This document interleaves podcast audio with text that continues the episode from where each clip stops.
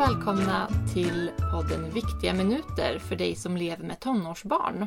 Vi som gör den här podden vi jobbar på förebyggarenheten i Kristinehamns kommun och vi jobbar bland annat med föräldraskapsstöd. Och vi hoppas att du som lyssnar på det här får med dig lite praktiska tips och råd och tankar kring det här med att vara förälder och leva med tonårsbarn. Idag ska vi prata om hur ska man som förälder kunna förstå trotsiga tonåringar och känslosamma utbrott och hur mycket bryr sig egentligen en tonåring som säger att den inte bryr sig? Och jag heter Klara och med oss idag är Johanna och Jessica. Hej hej! Hej! Ja, jag, jag tänkte på en sak som hände mig häromdagen. Det var en, en vän till mig som berättade att hon hade åkt buss och hört några ungdomar som pratade om framtiden och yrkesval och så. Och att en ungdom hade sagt att ah, jag vill ha ett jobb där jag tjänar mycket pengar men inte behöver jobba så mycket. Och de andra hade varit så här, åh vad smart det är, vilken bra idé, hade de andra ungdomarna tyckt. Eh, och jag och min kompis vi skrattade lite åt det här. Och sen så har jag återberättat det för andra och så har jag tänkt så här att ja, det här visar ju verkligen att unga eh, har ju verkligen ingen världsuppfattning eller verklighetsuppfattning och är också lite sådär eh, bortskämda. Varför tolkar jag det? Varför tänker jag så? Varför väljer jag att, att lägga den tolkningen på ungdomar? Och när jag funderat på det så funderar jag också på, är vi bra på att se tonåringars positiva sidor?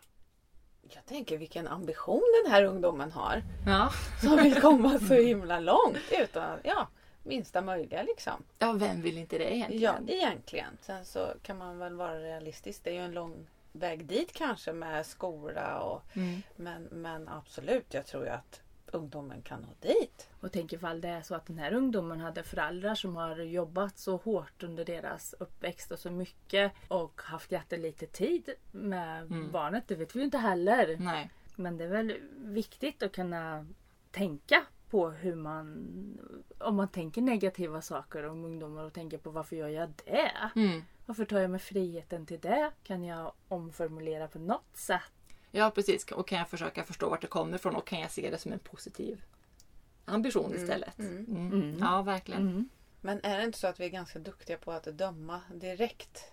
Men jag, tänk, och jag tänker att det finns så många sådana, alltså det finns mycket i vårt samhälle som spär på bilden av att ungdomar är lata, bortskämda, eh, konfliktfyllda.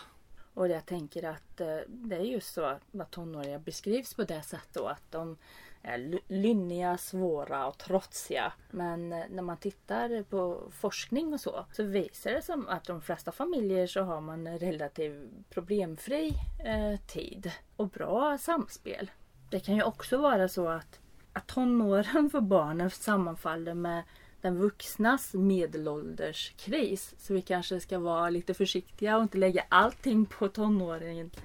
Det är en tid då föräldrar kanske håller på att göra karriär som mest. Mest skilsmässor vid den där tiden, vid medelåldern. Och sen många dörrar som stängs. Vi börjar bli för gamla för vissa saker. Så det är också en tid som många, ja, man har hört talas om 40-årskriser och 50-årskriser. Och det sammanfaller så att man får vara lite försiktig med vad vi pratar om. Ja, precis. Är det min kris eller är det tonåringens kris Mm. som egentligen skapar konflikten? För båda vill ju ha lite mycket utrymme. Men- Och jag tänker när, när, när eh, barnet eller ungdomen blir sådär grymt arg hemma. Ska man gå in och ta den konflikten eller ska jag låta det bara vara? Ska jag ta den nästa dag? Ligger det hos mig? Eller är det ungdomen som bestämmer? Det gäller att ha lite koll på sina egna känslor också för känslor smittar ju. Är det någon som är arg så är det lätt att man blir arg själv. Och ungdomar och tonåringars känslor, de, de, de är en utvecklingsfas där känslorna är inte riktigt, de kan bli mycket starkare för dem än för en vuxen. Man har inte utvecklats känslomässigt, fysiskt och kognitivt färdiga. De är inte färdiga än. De kan reagera väldigt kraftfullt. Med det sagt då, det gäller det att man själv ska föregå med gott exempel. Inte reagera lika kraftfullt tillbaka utan kanske snarare andas, ta kontroll över sin egen röst och situationen. Och sen får, det, får- tillfället och situationen avgöra när man ska ta, vad det är man ska ta och allvarsgrad också förstås. Ja, för eh, man måste väl också lära tonåringar att ta ansvar för hur de beter sig och uttrycker sig. Man kan ju inte bara hålla på och omtolka och blir inte väldigt eh, curlande om man inte ska eh, sätta stopp och gränser. Men är det inte viktigt att man talar om att när, om det är ungdomen eller respektive, att man utgår ifrån sig själv, jaget. Att när du blir så där arg så reagerar jag så här och jag känner så här. Oavsett vem det är. Och hur du reagerar har ju du ansvar för Ja, egentligen. Ja, Det är ja. jag menar att du måste, om du reagerar jättekraftfullt på att någon annan reagerar starkt så behöver ju du ta kontroll över dig. Men det går alltid att gå tillbaka och säga Förlåt, jag tappade, jag blev för arg, jag var dum. Men om det var tonåringen som var dum då? Det är ju det som är saken att är det en människa, om det är så en tonåring som är dum framför en så är det otroligt lätt att man blir väldigt dum eller dummare tillbaka. Det, är det, det det jag försöker Ja. säga. att Ta kontroll på det själv. Eh, men man behöver ju lära den att den ska få en del av samhället där vi visar respekt för varandra. Mm. Det här med att ha tydliga regler och, och tydlig struktur och sådär som tonåringar ska förhålla sig till. Är inte det väldigt viktigt också? Det hör man ju mycket. Att man som förälder ska hålla ihop och inte vika sig och så. Så att det blir väldigt liksom... Men hur prestigefull ska man vara i det då? Ska man följa varenda regel? Och hur många regler ska man ha? Och om man inte kan följa det som vuxen, vad händer då? Så att jag och min andra hälft har gjort upp en regel och så håller inte jag den. Vad blir det då? Är det okej om det blir så?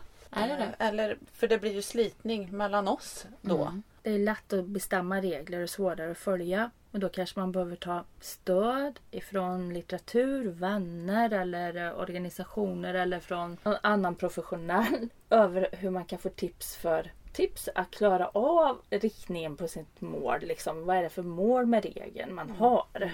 Till exempel när det gäller mindre barn så kanske barnet har lust att inte borsta tänderna. Men vi vet att den har ett behov av att borsta tänderna. Och då kan man ju inte gå på bara vad man har lust med utan man behöver ju också tillfredsställa behovet. Så lust, behov och vem är ansvaret där? Jo, då är det den vuxna som ska se till att hitta rutiner för tandborstningen. Annars får barnet bära konsekvenserna av försämrad tandstatus. Så man kan tänka lite så på de reglerna som man sätter. Är det lust, vad, är, vad är det som är lust? Vad är det som är behov? Vem har ansvaret och konsekvenser? Och att vi som vuxna är flexibla då. Man behöver kanske diskutera med varandra som vuxna. Är det någon som bara har lust att det ska vara fint hemma på fredagar? Hur viktigt är det? Finns det ett behov av att det ska vara fint? Och då kanske man ser att aha, det här kanske är inte den allvarsgraden att vi behöver ha en tvingande regel till. Utan vi kanske kan göra ett avsteg från till förmån för att hitta på något kul tillsammans istället för att städa. Ja, men, men när det gäller det här att man ska med skola, få barn till skola, mående, hygien. Sådana här mer som man har riktiga, rik, som det finns riktiga behov bakom. Som det blir barnet får bära konsekvenserna av. Om du ska väcka ditt barn varje morgon och se till att det kommer till skolan. Men det är en tonåring som tycker om att sova.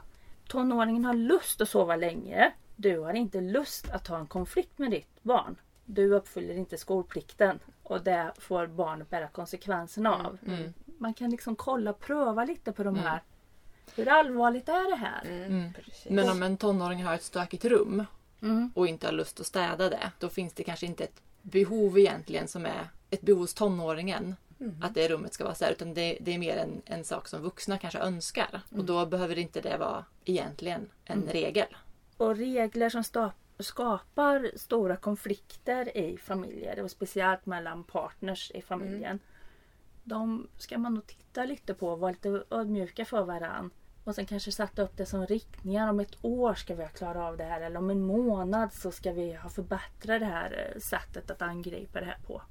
Man kan ju också känna ibland som vuxen att eh, tonåringar specifikt överdramatiserar situationer och händelser. Att det blir så himla stort, det blåses upp. Ehm, alltså en tonåring kan ju till exempel få ett utbrott och säga att livet är över för att man måste åka till farmor en lördag när man egentligen vill vara hos kompisar. Eller om man inte får ett par nya skor då kan man aldrig mer visa sig ute. Det kan man ju som vuxen tycka är, blir lite komiskt nästan. Alltså, när, när får man bara tycka att ah, nu, de får skärpa sig.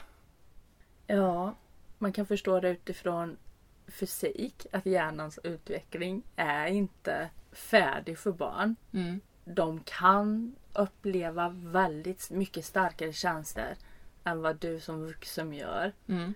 Så att det, det är en fysisk utvecklingsfas som de är i, känslomässigt. Det blir obalanser. Mm. Det här är inte små vuxna. Mm. Utan det här är tonåringar som Mm. håller på att utvecklas till vuxna. Mm. Då är det inte helt harmoni alltid. Och man kan se ungdomar som är både längre och starkare än en själv och tillskriva dem att de ska kunna mycket mer än en själv ibland. Men man får vara lite varsam. Sen kan man väl, är det alltid kul med humor. Man kan väl le i mjugg då. Man får tycka att livet är över. Vi kan förstå att det kan kännas så för den. Och sen kan man vara nyfiken på vad det är som Mm. gör att det blir så hemskt. Mm. Och varför inte ungdomarna har fått vara med och bestämt eller sagt sin åsikt. Eller, ja, men man kan väl vara lite nyfiken på och se varför den tycker så. Och, och blir eh, ungdomen arg där och då och säger att jag vill inte med till den där förbaskade tanten. Eller vad det nu kan komma ut. Mm. Kan man inte se det som positivt då, då? Att den faktiskt törs säga vad den känner där och då. För det är ju faktiskt deras egen känsla. Och sen behöver man inte som du säger gå in i den konflikten utan utforska vad är det som för vems skull ska den med då? Är det för min? För farmors? Eller för vems?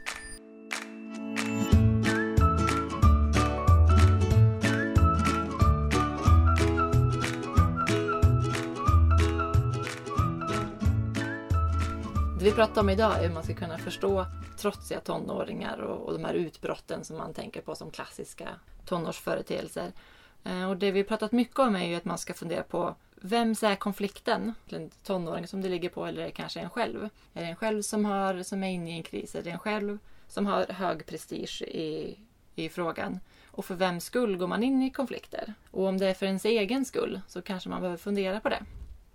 Vi har också pratat om att känslor smittar och att när man möter ett utbrott att man kanske behöver andas och i första hand ta kontroll över sig själv och inte gå in och trappa upp en konflikt. Men man kan också berätta om eh, hur det påverkar en när man får ett, ett starkt utbrott från en tonåring och hur man känner kring det.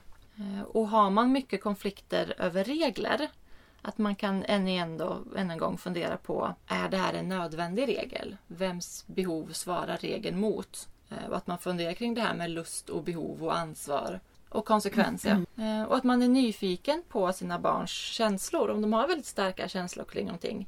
Att man försöker kanske fråga lite och luska lite kring vad står det för egentligen. Och men sen framförallt komma ihåg att unga är inte små vuxna utan de har starkare känslor. Eh, Och det får man eh, respektera. Man måste inte gå in i konflikter utan det väljer vi vuxna. Vad vi vill provoceras av och gå in i och gå igång på. Tack för att ni lyssnade på Viktiga minuter, podden för dig som lever med tonårsbarn. Och jag hoppas att ni fick med er lite nya sätt att tänka eller något att luta er mot.